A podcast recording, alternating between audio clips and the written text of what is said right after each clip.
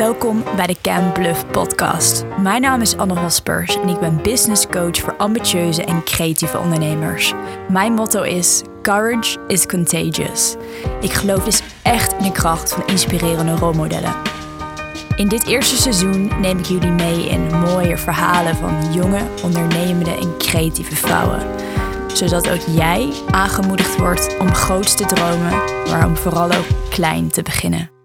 Vandaag in de studio hebben we Nanda Hagenaars. Zij is een fotografe die ik heel erg bewonder om de prachtige portretten die zij schiet. Uh, dit is eigenlijk de eerste keer dat we met elkaar in gesprek gaan ten opzichte van, uh, van andere interviews die ik allemaal al enigszins kende.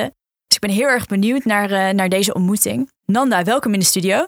Dankjewel, dankjewel. Leuk om er te zijn.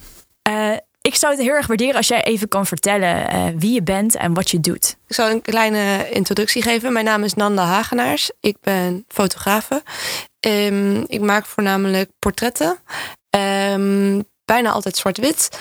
En met heel veel sfeer en emotie erin. Um, dus het kan ook wel eens een portret zijn van bijvoorbeeld een roos. Maar ik focus wel op mijn uh, onderwerpen, zeg maar. En jij gaat volgens mij ook af en toe uh, richting het buitenland om uh, foto's te maken. Hoe, hoe vind je dat onderdeel van je werk? Uh, nou, dat vind ik wel heel tof, maar dat is niet altijd een onderdeel van mijn werk. Ik ga heel veel zelf op reis. Um, maar ondanks ben ik wel voor het eerst in opdracht ook echt uh, naar het buitenland gestuurd. Voor een samenwerking met Plan Nederland ben ik naar Vietnam geweest. En dat was echt, dat is natuurlijk echt de droom, zeg maar, om, om voor een, een opdracht in het buitenland te mogen zijn.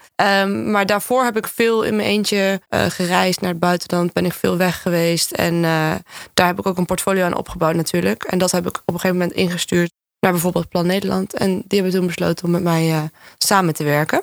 Dus zo is dat een beetje gaan rollen. En nu hoop ik natuurlijk dat, dat ik nog veel vaker naar het buitenland kan. Dus ja, heerlijk. Kan ik me helemaal ja. voorstellen. Ja. De, de foto's die ik van die reis heb gezien, die waren echt waanzinnig. Thank you. Een van de vragen die wij uh, binnen hebben gekregen uh, van de volgers via Instagram was een vraag over hoe dat voor jou is gelopen. Je was natuurlijk niet altijd fulltime fotograaf. Klopt. Wat is jouw pad daarin geweest? Ja, dat is wel interessant, want ik, ik, ik kijk best wel vaak terug. Ik hou wel heel erg van reflecteren en hoe dingen zijn gelopen. Dus ik um, denk daar zelf ook veel over na en ben er veel mee bezig. Maar um, het is niet heel duidelijk dat ik kan zeggen van goh, op dat moment ben ik echt begonnen met fotograferen. Het is zeg maar gewoon een beetje in mijn leven gekomen, langzaamaan.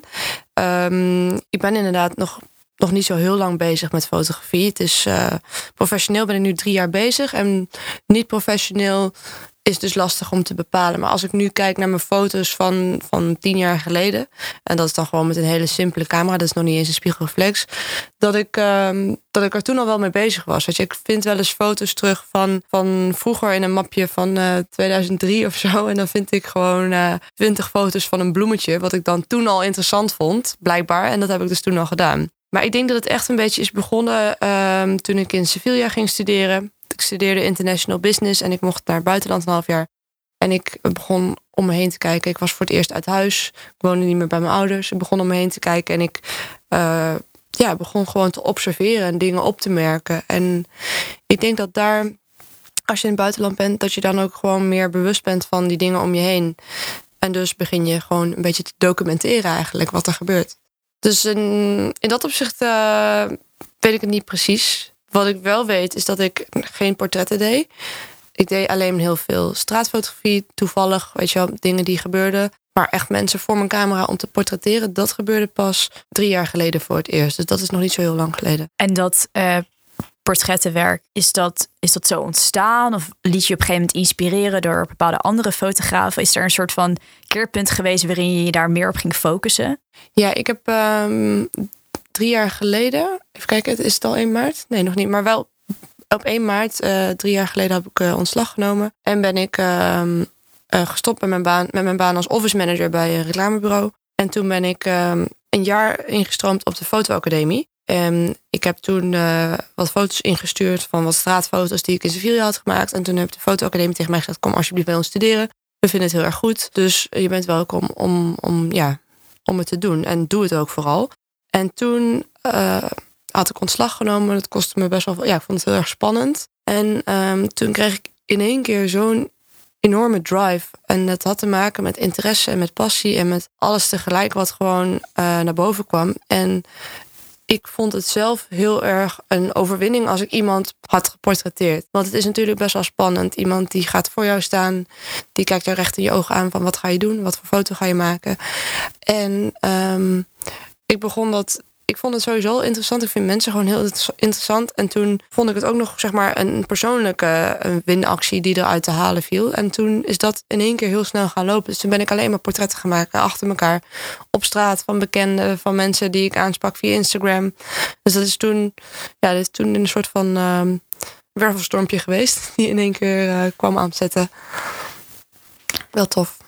En dit, deze vraag stel ik eigenlijk aan al mijn uh, interviewgasten. Uit wat voor soort gezin kom jij? Is, heb, zit jij in een, kom je uit een gezin van kunstzinnige mensen of, of ondernemers of eigenlijk totaal niet? Nou, ik denk dat mijn grootste inspiratie is geweest mijn oma. Uh, mijn oma is nu twee jaar geleden overleden, maar zij was kunstenares. En um, ik had gewoon een hele sterke band met haar. Zij is de uh, moeder van mijn moeder. En ik heb altijd al gewoon met haar kunnen levelen. Dat is gewoon een bijzondere band. En zij was dus kunstenares en zij heeft me vroeger al op tekenles gezet en uh, meegenomen op schildercursus. Ze woonde in Frankrijk, dus dan gingen we daar, ging ik daar in mijn eentje heen op vakantie en dan uh, nam ze me mee op les. Dus toen heeft zij misschien mij onbewust ook al gewoon leren kijken. Want ik ging mee naar haar schilderles met allemaal vergevorderden en ik mocht als enige mee. Maar ik heb wel toen al inspiratie gekregen daarvan, denk ik. Dus ik kan wel zeggen dat zij mijn, ja, mijn trigger is geweest um, van het gezin of van de familie waar ik vandaan kom. Want mijn, uh, mijn ouders zijn allebei niet in een creatief beroep. Mijn zijn allebei ondernemer trouwens. Mijn vader is ondernemer, die is organisatieadviseur. En mijn moeder die heeft een eigen praktijk voor uh, natuurlijk genezen voor dieren. Ze is dierenarts eigenlijk. En ze hebben allebei ook de politieschool gezeten. Daar hebben ze elkaar leren kennen.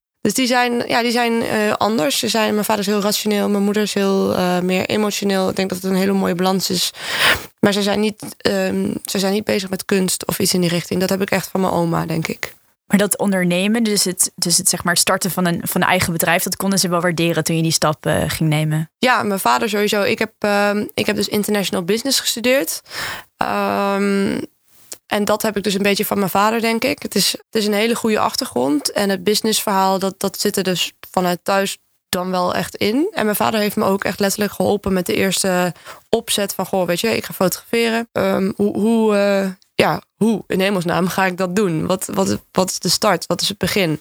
Ja, oké, je moet een uurtarief hebben. Je moet uh, een, een facturen kunnen maken. Gewoon heel simpel, heel basic. Maar daar, daar heeft hij me wel in geholpen. Dus dat is wel, ja, dat is wel heel fijn als je vader hebt die dat, uh, die dat voor je kan doen. Ja, heel fijn. En wat, wat ik op een gegeven moment, want ik volg je nu al een paar jaar op Instagram, wat ik op een gegeven moment tegenkwam, en later zag ik het ook op je, op je LinkedIn, dat, ja, dat jij ook heel erg iemand bent die bezig is met, met filosofie. En volgens mij ben je ook een tijdje geleden op retreat geweest. Uh, ja. ja, ik ben wel, ja, ik weet niet. Um, ik ben altijd wel bezig met reflectie. Met, uh, met meer leren over mezelf, mezelf begrijpen. En ik ben inderdaad, uh, dat is ook drie jaar geleden. Ja, want toen was ik net met die fotoacademie begonnen ook. Ik heb de academie overigens maar één jaar gedaan. Om, en dat was het enige wat ik nodig had als een soort van boost om, om, om gewoon er vol voor te gaan. Maar in datzelfde jaar ben ik uh, op Vipassana geweest. En dat is gewoon een meditatietechniek waarbij je tien dagen lang gaat mediteren. Tien uur per dag in stilte. Ja, en dat is best wel een harde vorm van, van een les. Het zijn harde lessen die je moet leren. Um, zonder enkele vorm van luxe. Dus je gaat door heel veel emoties heen en heel veel stadia van, van wat doe ik hier tot aan van ik, ik voel me fantastisch tot aan ik voel me zwaar depressief. Je, je maakt zoveel mee en uiteindelijk kom je, kom je gewoon dichter bij jezelf van binnen. En dat zijn dingen die ik persoonlijk heel belangrijk vind. Um, om, om heel dicht bij jezelf te blijven. Om te kunnen vertalen wat er uit jezelf komt. Of wat je voelt of wat je bedoelt uh, in het leven. Om dat te kunnen vertalen in beeld. Dus dat heeft me wel ook geholpen, denk ik. Ja, ik vind dat super interessant ook trouwens. Het was ook een beetje een test voor mezelf. Zou ik dit kunnen? Uh, word je niet mentaal gek? Best wel interessant om, om te proberen, zeg maar. Dus uh, ja, het workt. Ik ben zelf echt een uh, boeken-nerd. Vorige meisje die ik vorige week in mijn podcast had, die, uh, die las ook veel. Haal jij ook inspiratie uit boeken of ben jij meer fan van andere media? Ja, ik heb, heel, ik heb wel heel veel boeken inderdaad. Uh, een groot gedeelte daarvan zijn zelfhulpboeken.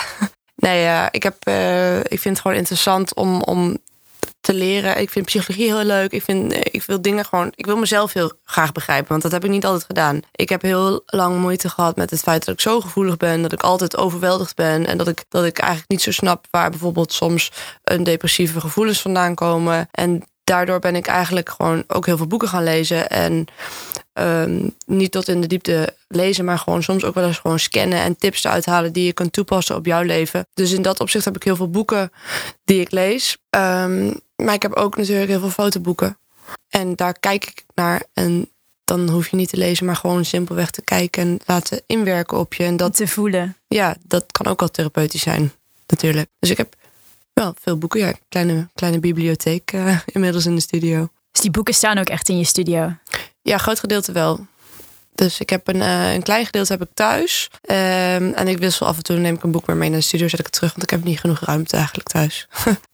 En ik weet dat mijn luisteraars houden van concrete tips. Heb je um, twee boekentips die je mensen zou kunnen aanraden? Misschien een favoriet foto, fotoboek en een zelfhulpboek, een psychologieboek, die je heel erg verder heeft gebracht of bepaalde inzichten heeft gegeven? Ja, ik vind de boeken van Tijn Tauber heel erg leuk. Die heb ik in het begin veel gelezen. Toen ik ook inderdaad ging mediteren. En die hebben me heel erg geholpen. Die zijn gewoon humoristisch geschreven. En ja, best wel down to earth. Maar het gaat ook wel diep genoeg om, om, om te leren, zeg maar, over jezelf en over je ego bijvoorbeeld. Uh, van Jan Geurts vind ik alle boeken goed. En als ik kijk naar fotoboeken, dan ben ik gek op het boek van Jozef Kudelka, Roma. Dat gaat over de gypsy-families die die volgt ander boek van uh, Marc Lagrange bijvoorbeeld. Prachtige beelden. Hetzelfde, een beetje meer fashion. Peter Limberg en uh, Vincent Peters.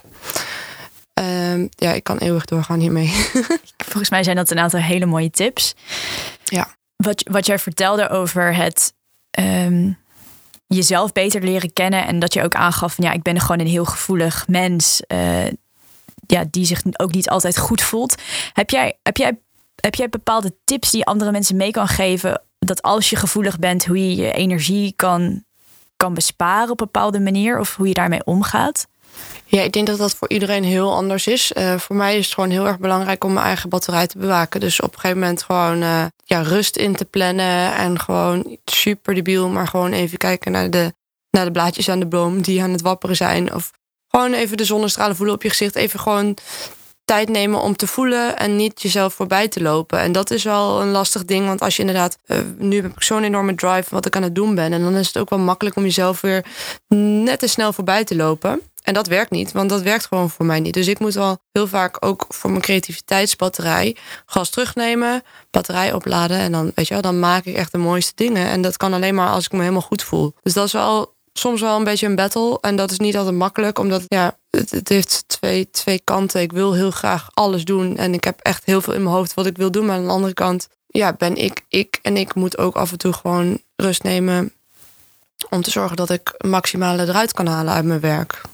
Mooi.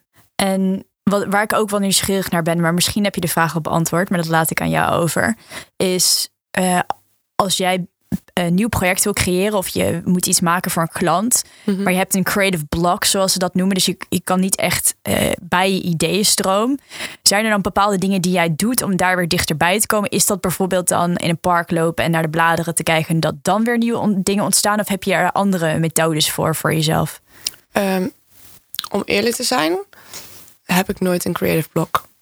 Heerlijk. Dat is echt heel erg, maar misschien komt het nog.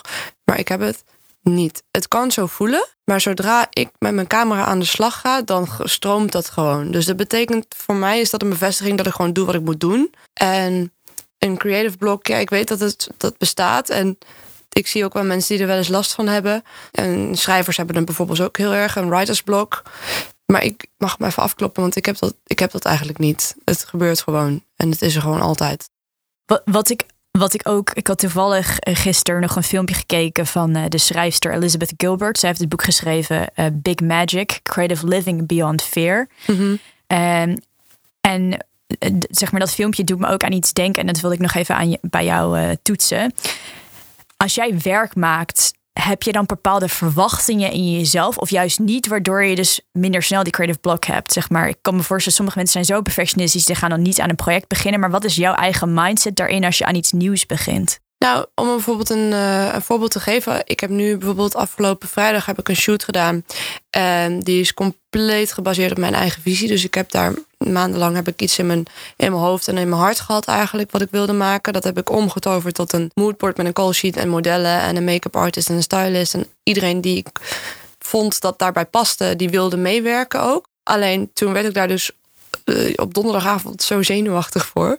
Dat ik wel eh, bang was dat ik bijvoorbeeld niet zou kunnen gaan slapen van de zenuwen, omdat het dan wat groter is, zeg maar. Dus dat is dan een beetje. Dat je dan ook met een heel team werkt, bedoel je? Ja, want dan is het niet meer ik en één op één een foto maken, want dat lukt eigenlijk altijd. Maar zodra er een heel team om me heen staat, uh, dan vind ik het dan spannender, merk ik, zeg maar. Want dan heb ik niet alleen mijn eigen bal hoog te houden, maar ook die van anderen. Dat het wel klopt, wat, wat, of de bedoeling wel klopt, zeg maar.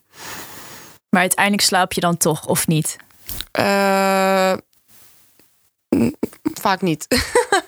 nou ja, slapen is wel een ding. Ik slaap de laatste tijd goed, maar, maar soms dan, uh, dan, dan ben ik er gewoon nog te veel mee bezig en dan kan ik niet slapen. En dat, ben er inmiddels aan gewend. En hoe was het resultaat uiteindelijk, vrijdag? Mindblowing. Echt, ik ben er zo, zo trots op en zo blij mee. Dat dit, het voelt me net alsof ik naar, naar, naar een nieuw niveau ben gegaan afgelopen week.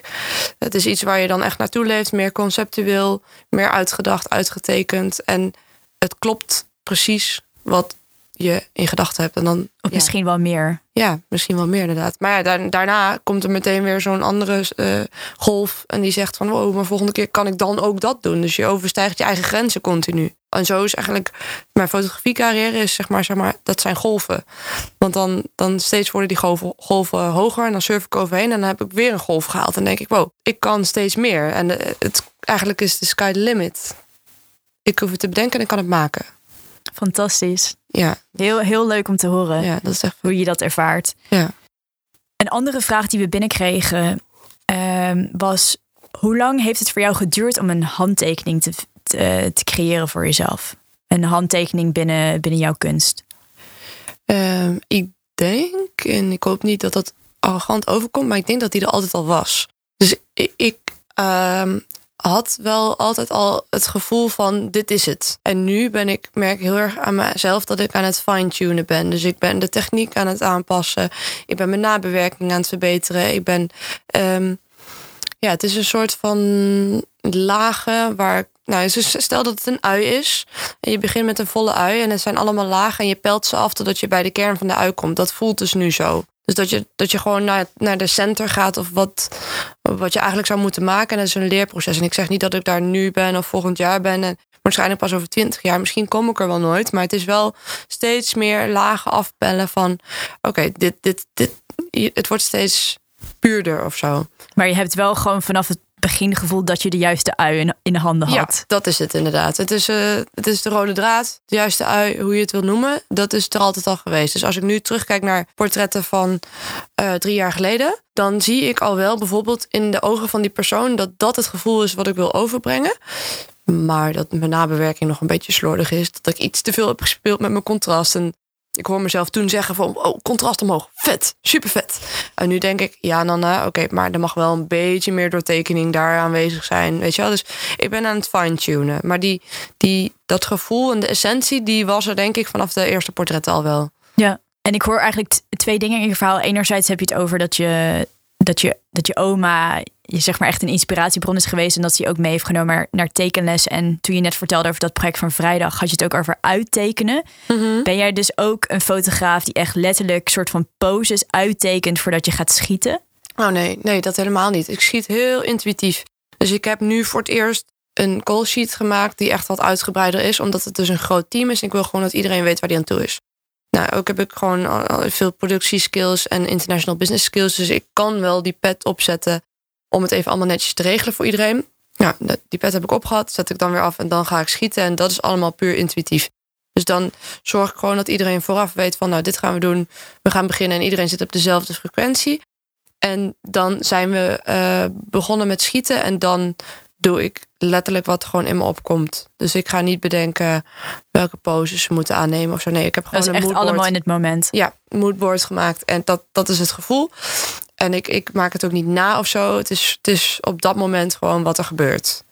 Echt je eigen flow waar je dan in zit. Ja, klopt.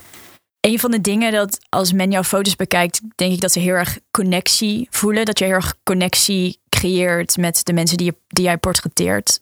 Voor, voordat we aan deze podcast begonnen, hadden we even een voorgesprek. En toen gaf je aan, gaf je een voorbeeld van een verhaal van toen je recentelijk in, uh, in Azië was. Mhm. Toen je achter op de scooter zat, uh, volgens mij met je vriend. Ja. En dat je zei stop, stop, stop, omdat je iemand had gespot. Zou je misschien dat verhaal nog een keer voor de luisteraars kunnen vertellen over hoe je, dat aan, hoe je het aanpakt? Bijvoorbeeld in zo'n situatie als je iemand ziet van wauw, die mag Ja. ik niet laten gaan.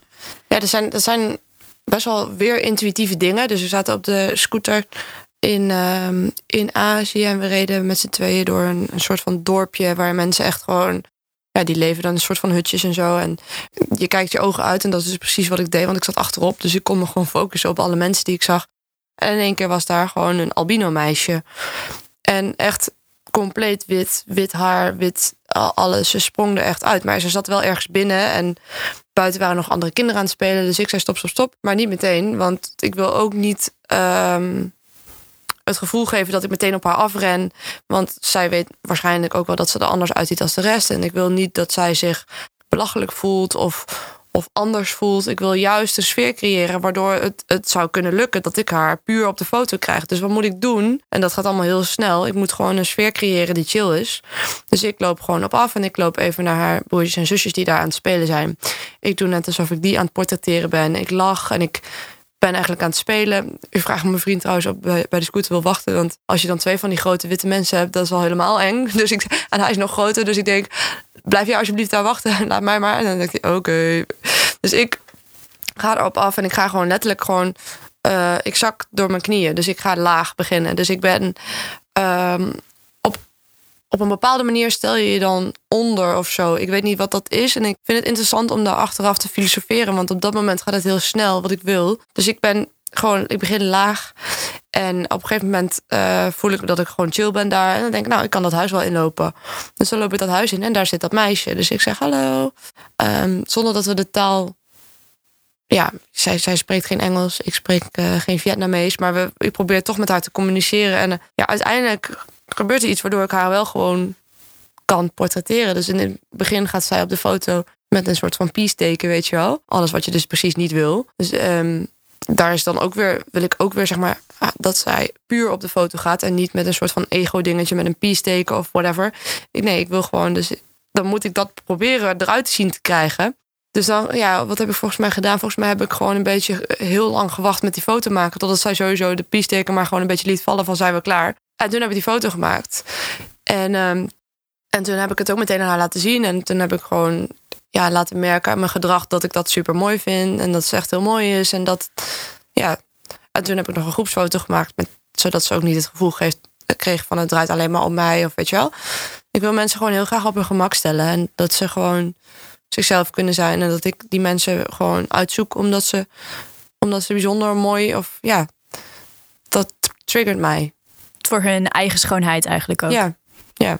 Wat, eh, wat, wat ik, waar ik ook nog even op in wil gaan, ehm, gerelateerd aan, aan, aan jouw stijl, is dat als je kijkt naar jouw Instagram, dan, dan, dan zie je heel veel mooie zwart-wit portretten. Ehm, maar feit is gewoon als, als een fotograaf, vooral als je net begint, moet je natuurlijk ook af en toe wat andere dingen doen.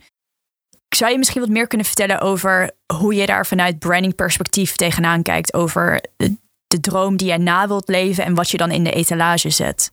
Ja, dat is wel een goede vraag. Want daar ben ik zelf ook wel heel erg mee bezig geweest. En dat is moeilijk. Dat is echt super moeilijk. Want aan de ene kant, ehm, wat je op mijn Instagram ziet, dat is puur, dat ben ik, dat wil ik maken. Dat is zeg maar eigenlijk de kunstenaar in mij die, die iets aan het vertalen is. Een gevoel of een emotie of wat dan ook. Maar aan de andere kant, ik ben ook fotograaf en ik ben ook commercieel fotograaf. En ik verdien ook mijn geld met fotografie. En die twee die komen echt lang niet altijd overeen. Dus um, ik heb een hele lange tijd heb ik ook um, wat meer commercieel werk gepost. Maar op een gegeven moment heb ik gezegd van ik doe dat nu niet meer. En ik mag me dan heel ja, gelukkig prijzen dat ik dat kan doen. Kijk, kijk bijvoorbeeld naar Anton Corbijn. Die hoeft heus niet meer commerciële klussen aan te nemen of zo. Want die wordt geboekt om wie hij is.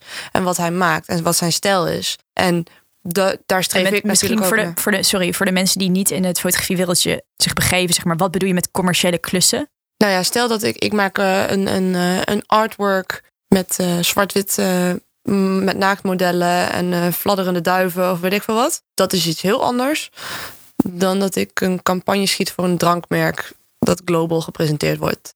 Maar die twee heb ik wel allebei afgelopen maand gedaan. Of ja, snap je? Dat is het verschil. En totdat ik zeg maar een soort van Anton Corbijn ben, die geboekt wordt om alleen maar de fladderende duiven en de naakmodellen. Tot die tijd moet ik ook die drankcampagnes doen. Want anders dan kan ik mijn huur niet betalen, mijn studio niet betalen. En dan, ja, je moet helaas gewoon ook geld verdienen. Dus um, ja, op, het begin heb ik een, op mijn site een tweedeling gemaakt. Met de ene kant uh, artwork en aan de andere kant uh, commercial work. Zodat ik ook door klanten gevonden zou kunnen worden. Waardoor ik geboekt zou kunnen worden en geld kan verdienen. Maar ik heb dat recentelijk weggehaald. Dus nu staat er alleen nog maar... Er is nergens commercieel werk van mij te vinden online. Ik doe het wel. Um, maar je vindt het niet. Want ik wil mezelf gewoon echt heel graag profileren. En zoals jij dat noemt, branden. Als Nanda Hagenaars. Zwart-wit, portret, art. Die kant op. Ja, ik vind het heel erg mooi om, om te merken hoe je, dat, hoe je dat aanpakt. En dat is natuurlijk een proces. Daar kan je waarschijnlijk niet mee beginnen vanaf dag één. Nee, is moeilijk hoor. Ja, het is echt heel moeilijk. Want ik heb daar echt super vaak. Ik dacht, uh, ik had volgens mij een keer iets gepost op mijn Facebook. Toen die site online was met die tweedeling eh, commercieel en art, had ik volgens mij iets gezegd van yin kan niet zonder yang, uh, licht kan niet zonder donker en uh, art kan niet zonder commercieel. maar daar ben ik dus op teruggekomen. Dus nu, nu denk ik, ja, en dat is dus het proces. Je, gaat, je leert daarvan, je denkt, ja, ik denk er wel over na inderdaad. Dus je eigenlijk is dat yin-yang, daar ben je echt op teruggekomen. Dat... Mm, nou ja, niet op yin-yang, dat vind ik nog steeds heel belangrijk. Maar yin-yang is... In die context. Maar meer van uh, die tweedeling om te laten zien wat je maakt. Want het verwart ook mensen. Als ik laat zien van ik doe, uh, ik doe een shoot voor Heineken of iets dergelijks. Dan denken ze, oh, hut. Maar ja, weet niet. Ik ben bang, ik wil gewoon laten zien waar ik voor sta en wat ik voel en wat ik bedoel. En dat is dus die andere kant. De zwart-witte en om daar nog iets dieper op in te gaan, is het, is het zo dat bijvoorbeeld dan zo'n uh, zo'n zo'n drankmerk die een, uh, een global campagne wil lanceren, denk je dat wel dat zij jou blijven vinden? Ook al uh, deel je niks meer van dat soort beelden, dat het gewoon van mond-op-mond reclame is en dat dat voldoende is om voorlopig zeg maar die financiële ja, ik denk het wel, want ik doe eigenlijk uh, nooit iets aan acquisitie. Dus ik, maar ik heb vier jaar lang in de reclamewereld gezeten en ik heb daar gewoon super goede contacten aan overgehouden. En wat ik ook denk, wat heel erg goed werkt, is dat ik op een gegeven moment. Dat kan ze voor- en nadelen hebben, maar ik hou mijn mond niet over wat ik maak. Dus ik, ik, ik loop maar door en ik ben er gewoon mee bezig. En dat pakken mensen ook op. Dus via via gaat het eigenlijk het best. Dus ja, ik weet dan gewoon mensen met wie ik toen heb gewerkt en gewoon reclame dingen. Ja, die pak ik gewoon. Die, daar word ik gewoon, dat komt letterlijk gewoon bij mij terecht via iemand die ik ken of in mijn inbox. Of dat gaat echt via via. Dus dat is heel fijn. En, en is het zo dat je destijds dat reclamebureau uit had gepikt omdat je dat zag van dat is een heel gunstig nee. acquisitiekanaal? Nee joh, ik had, uh, ik had uh, international business gestudeerd. Ik was daar zo klaar mee dat ik een jaar in de horeca ging werken. En toen dacht ik na een jaar, ik had mezelf een jaar gegeven max. En toen dacht ik, nou wil ik iets gaan doen. Toen kwam er een functie vrij uh, als office manager. Iemand tipte me daar bij Fitzroy. En um, ik dacht, nou ja, waarom ook niet, weet je wel. Dan kan je alle kanten mee op reclamebureau, ja, het zal wel. En uh, dus ik, ik heb een brief geschreven en toen mocht ik langskomen. En het eerste wat ik zag was Marnix, dat was mijn baas toen. Die deed de deur open met een petje achterstevoren op zijn blote voeten in een korte broek. En ik had net afgestudeerd bij Deloitte. En Deloitte, daar liep ik, moest ik gewoon in pak lopen en zo. Dus toen dacht ik in één keer van, maakt niet uit wat dit is. I'll take the job. dit is vet. en toen voelde ik me thuis en toen ja, werd ik aangenomen meteen. Kon meteen beginnen. En toen heb ik daar vier jaar lang ook, ook of ja, bijna vier jaar lang echt gewoon heel veel meegekeken. Ook met bijvoorbeeld art directors, creatieve shoots, uh, andere dingen. Dus dat was wel uh, heel leerzaam voor mij. Je hebt echt een kijkje in de keuken kunnen nemen. Ja, ik werd wel heel regelmatig uit de keuken getrapt. maar, maar dan sloop ik er toch weer in. ja. Dus je bent ook wel een nieuwsgierig aagje. Ja, ik, ik, kon er niet echt, uh, ik kon er niet echt omheen. Ja. Vond je het lastig om toen afscheid te nemen van die collega's? Ja hoor, ja. Ik, maar ik spreek wel nog een aantal regelmatig. Dus er zijn ook wel ja, waardevolle contacten, leuke mensen, eigenlijk bijna wel vrienden. En um, ja, die spreek ik wel gewoon nog af en toe. En ik, ik, ik denk dat ik dadelijk op de terugweg even binnenwip. Leuk. Dat kan ook gewoon nog regelmatig. Dus dat, uh, ja, dat is gewoon prima. Ik had er een tijdje geleden met een, uh, met een vriend van mij over. En die zei van, never burn your bridges. Mm, nee, klopt. Maar je moet af en toe wel bridges burnen om ergens verder te komen. En daar bedoel ik mee dat je dat, dat ja, letterlijk... Uh, ik heb bijvoorbeeld een tijdje terug keuze gemaakt om te stoppen met foodfotografie. tussen aanhalingstekens commercieel werk. Om me zo te kunnen focussen op mijn doel. En dat is mijn artistieke werk. En die bridge die heb ik gewoon letterlijk moeten burnen. Want anders dan bleven die opdrachten komen. En dan neem je ze toch stiekem wel weer aan. En weet je wel. Maar ja, die bridge die heb ik dus zwaar geburnd. Door een artikel te schrijven waarom ik het niet meer doe. En dat ik het niet meer doe. En ik krijg nog steeds verzoeken in mijn mail. En ik wijs ze allemaal af. En ik heb dat artikel eh, gelezen en ik dacht dat het alleen maar ging over uh, foodfotografie met vlees erin. Of was dat überhaupt foodfotografie? Het is uh, bijna alle foodfotografie. Ik maak wel eens een uitzondering, want daarom heb ik ook gezegd niet altijd. Want sommige doe ik wel. Maar ik, ik, ik, vond ook, ik ben iemand, ik kan niet zo goed dingen maken als ik er niet achter sta.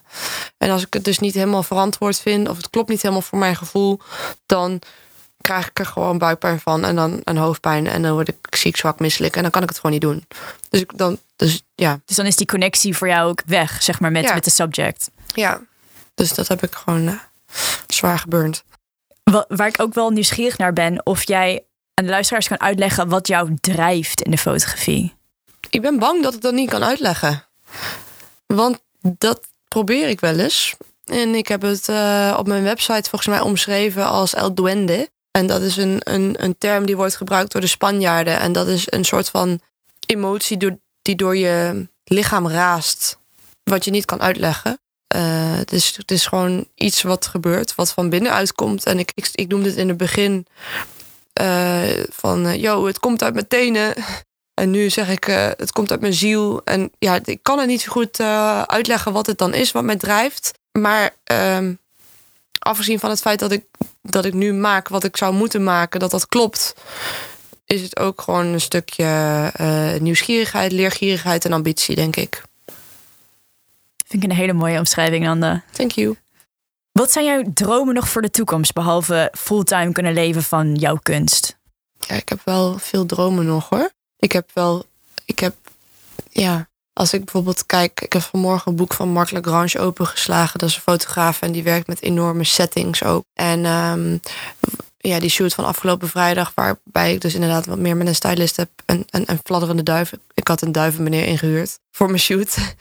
Uh, als ik daarover nadenk, dan denk ik: oké, okay, the sky is the limit. Want ik kan dus duiven inhuren en een shoot maken. Nou, dan kan ik bij wijze van spreken ook een olifant inhuren en een shoot doen. Of ja, snap je, er zijn geen grenzen meer. Dus als ik dat in gedachten hou, dan heb ik nog echt wel echt hele grote ideeën om, om te maken. En dan inderdaad ook in het buitenland bijvoorbeeld. Of uh, ja, en dan, en dan het randje opzoeken, misschien wat tussen art en, en documentair werk. Want ik vind het ook wel mooi als de foto's verhalend zijn.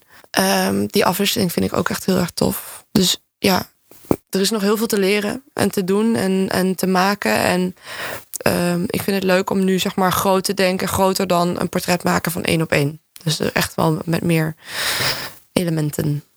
Ik ben heel erg benieuwd naar, uh, naar dat werk wat je omschrijft. Ja, ik ook. heb, heb, jij, dit is een beetje mijn, uh, mijn go-to vraag voor mijn uh, podcast interviewees.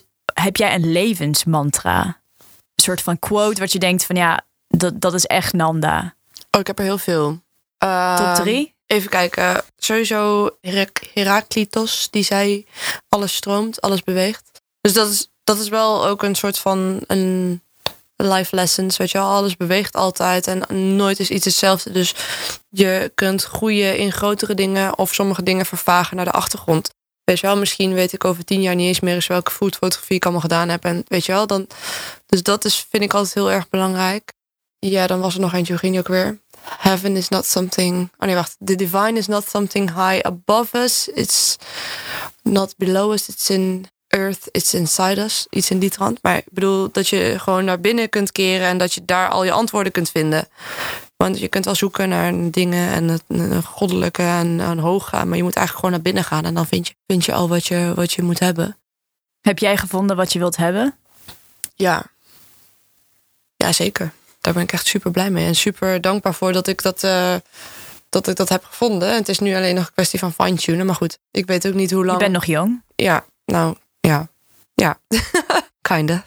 En wat, en wat zou jij mensen mee willen geven die bijvoorbeeld net de studie af hebben gerond en denkt, denken: Oh, ik heb geen idee wat ik moet doen voor werk? Heb jij tips voor dat soort mensen die in zo'n situatie zitten? Ja, ik heb toen, uh, was ik afgestudeerd international business bij Deloitte. Super stijfjes allemaal. No offense Deloitte. Ik heb, ik heb het leuk gehad. Maar ehm, ik dacht wel van ja, dat past niet bij mij. Dat is niet wie ik ben. Ik, ik ben. ik ben anders dan dat. En toen dacht ik, maakt me ook niet zoveel uit, weet je wel. Je bent, ik was toen 24 of zo. Het boeit ook niet zoveel. 23, 24. Je kunt eigenlijk in principe precies doen waar je zin in hebt. Al ga je een wereldreis maken, al ga je in horeca werken, al ga je een boek schrijven. Dat kan allemaal op dat moment. Zeg maar nu, uh, zeg maar zes, zeven jaar later, voel je wel iets meer de druk om wel inderdaad een toekomstplan te hebben. Een soort van establishment om te kunnen doen wat je wil doen. Dus um, tip 1, get wasted. Nee, grapje. Tip 1, ja, je gaat gewoon genieten van het leven. Ga drinken, ga, ga in de zon zitten, ga op wereldreis, ga, ga lol trappen, doe waar je zin in hebt. Tip 2, uh, eh, pak pen en papier. Want alles wat je opschrijft is uh, controleert je gedachten. Want je gedachten gaan sneller dan dat je kunt schrijven. Dus als je gedachten op en neer schieten van links, rechts, onder naar boven.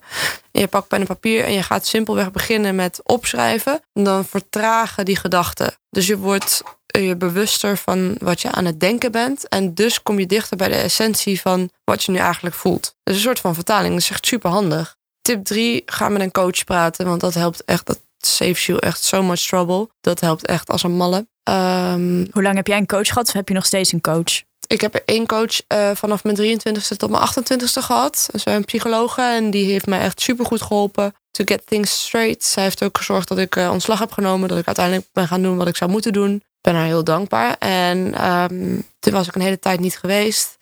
Een paar jaar niet. En toen had ik laatst had ik bijvoorbeeld uh, had ik wat problemen met, um, met planning. Ik liep mezelf voorbij en ik had het gewoon heel erg druk door, door, door alles wat op me afkwam. En dat was heel overwhelming. En dat paste dus niet zo goed bij mij. Oftewel, ik lag er wat sneller af en ik ja, overprikkeld.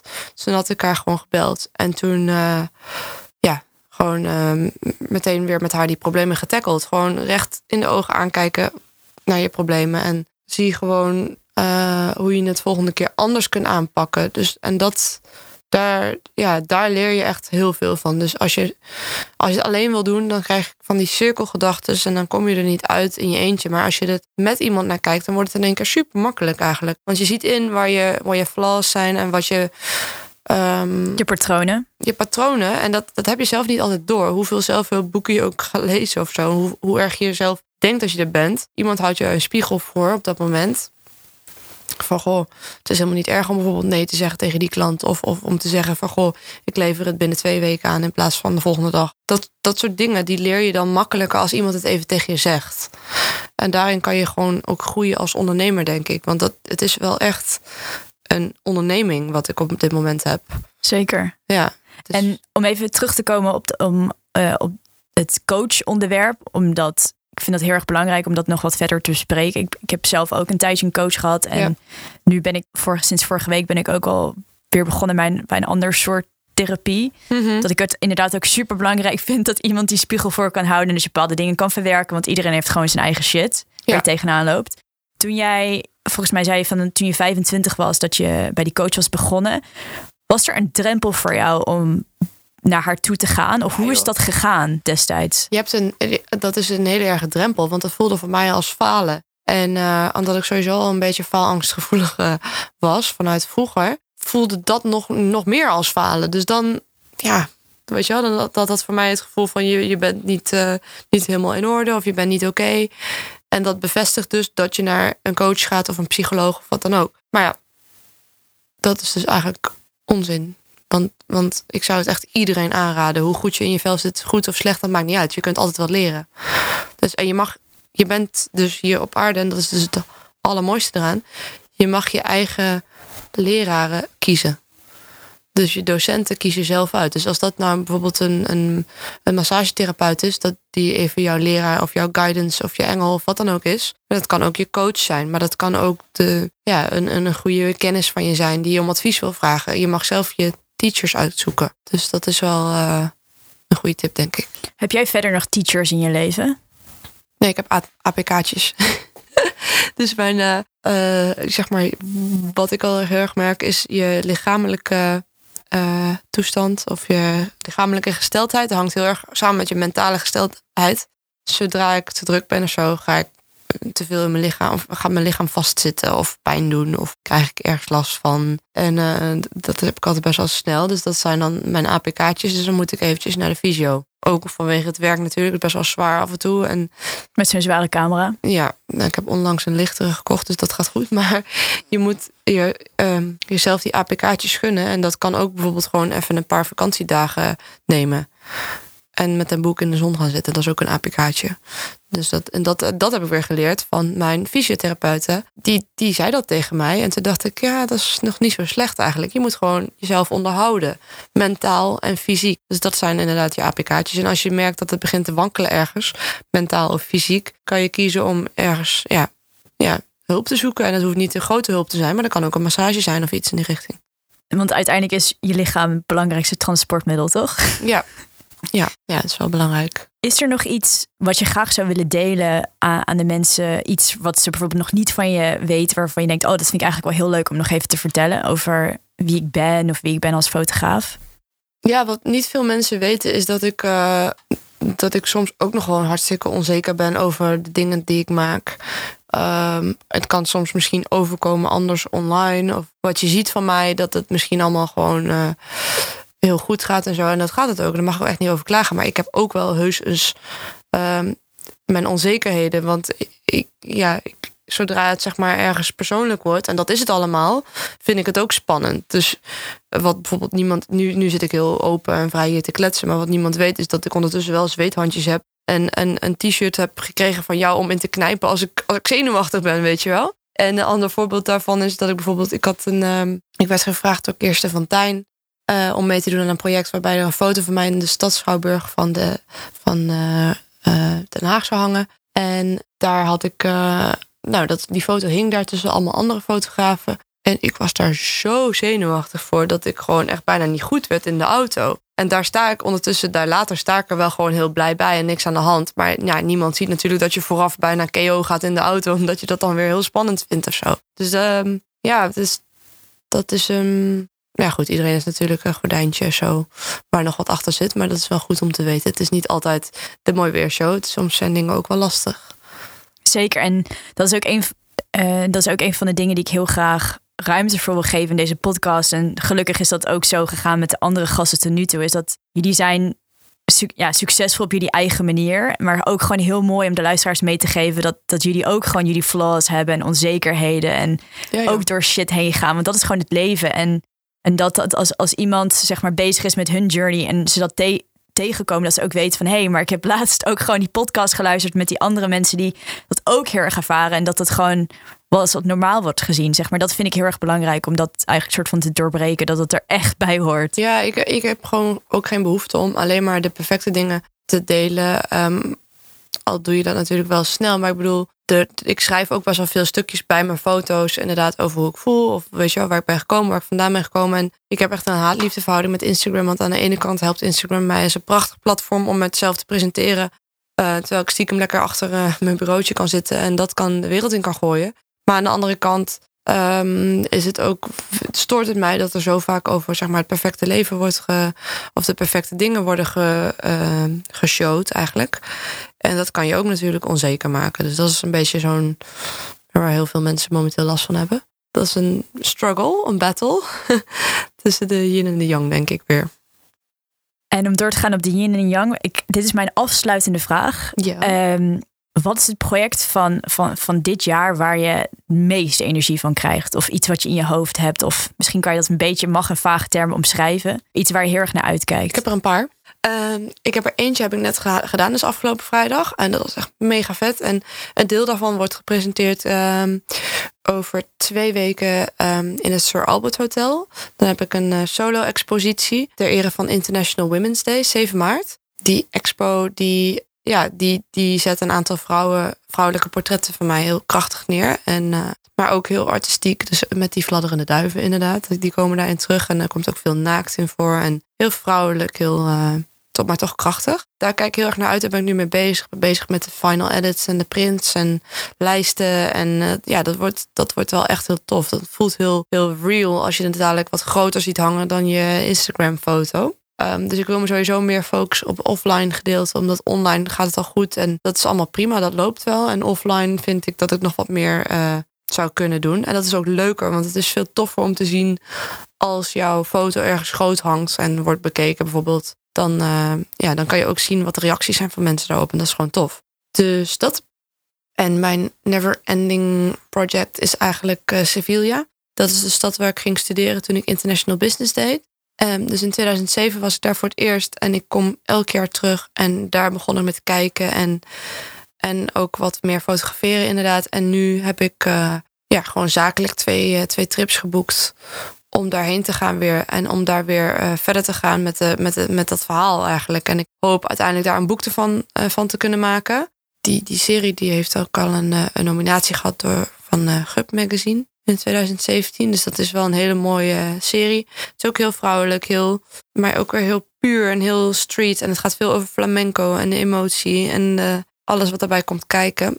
En prachtige klededracht natuurlijk. En ja, die, die Spanjaarden zijn wel gevoelige types. Daar kan ik me wel mee uh, identificeren. Dus ik ga in april en in mei ga ik er weer heen. En dan ga ik gewoon in mijn eentje een paar dagen en ik heb nu al zin in, in, in de beelden die daar uitkomen. En dat ik weer kan schuiven. En dat het weer samenkomt. En dat het een, een, een groot verhaal wordt, zeg maar. Dat, dat doe ik eigenlijk al uh, drie jaar nu. Dus dat is echt een ongoing project. Ja, ja. Uh, tot wanneer is de tentoonstelling? Die, die ene expo, die, dat gaat over een vrouwelijke. En die is... Nou, de opening is 7 maart om 6 uur. Dus je kunt je aanmelden via de uh, Facebook-event. En dan blijft het een paar dagen hangen. Later worden die werken voor de helft uh, nemen we weer mee. En de andere helft blijft daar in het hotel gepresenteerd. Dus dan zou je altijd eventjes langs kunnen gaan. Oh, dat is, dus dat is goed om te weten. Mijn laatste, laatste vraag, mijn allerlaatste vraag is: wat, wat hoop je dat mensen voelen als ze die tentoonstelling bekijken op Internationale Vrouwendag? Um, ik had zelf, um, ik kan wel eens heel emotioneel worden van als ik iets heb gemaakt wat, wat klopt. Dus dan heb ik een shoot gedaan en, en het is precies wat ik voel, wat ik wilde vertalen. En dan word ik daar emotioneel van. En als een kijker ook maar 10% zou voelen wat ik heb gevoeld toen ik dat maakte, dan is mijn doel al bereikt. Mijn, uh, in mijn studio, daar boven mij zit een, uh, een andere studio van een schilder. Is Klaas. Klaas en ik hebben wel een goede klik. En uh, Klaas, ik vroeg eens aan Klaas dezelfde vraag een tijdje terug. En toen zei hij, wat ik het mooiste ooit zou vinden... is dat als iemand naar mijn schilderij zou kijken... en in brullen zou uitbarsten. en toen dacht ik, nou dat is inderdaad wel echt iets... dat is wel nogal een goal, zeg maar. En stel nu dat iemand naar een foto kijkt... en gewoon spontaan begint te huilen... dan heb je toch alles bereikt wat je, wat je ooit zou moeten bereiken. Dan zit al die emotie en al dat gevoel zit er gewoon in. Dan klopt het. Dus dat, uh, dat is denk ik wel een mooie. Nou, Nanda, echt heel erg bedankt voor je, voor je tijd deze middag. You're welcome. En uh, ja, zoals altijd ja, kijk ik er heel erg naar uit om uh, dit gesprek te delen met heel veel andere mensen. Ik ook. Spannend. Leuk. Dankjewel. Oké, okay, thank you. Dank voor het luisteren naar de Camp Bluff podcast. Mijn naam is Anne Hospers en ik ben business coach voor ambitieuze en creatieve ondernemers. In dit eerste podcastseizoen neem ik jullie mee in bijzondere verhalen van jonge, ondernemende en creatieve vrouwen je kunt je natuurlijk abonneren op deze podcast, updates volgen via mijn Instagram, CamBluff. En het is natuurlijk hartstikke leuk als je deelt dat je, deze podcast luistert en met vrienden en kennissen. Dan kan je de hashtag gebruiken Camp Bluff Podcast. Tot volgende week dinsdagavond, wanneer de volgende aflevering live gaat. Fijne week en vergeet niet: courage is contagious.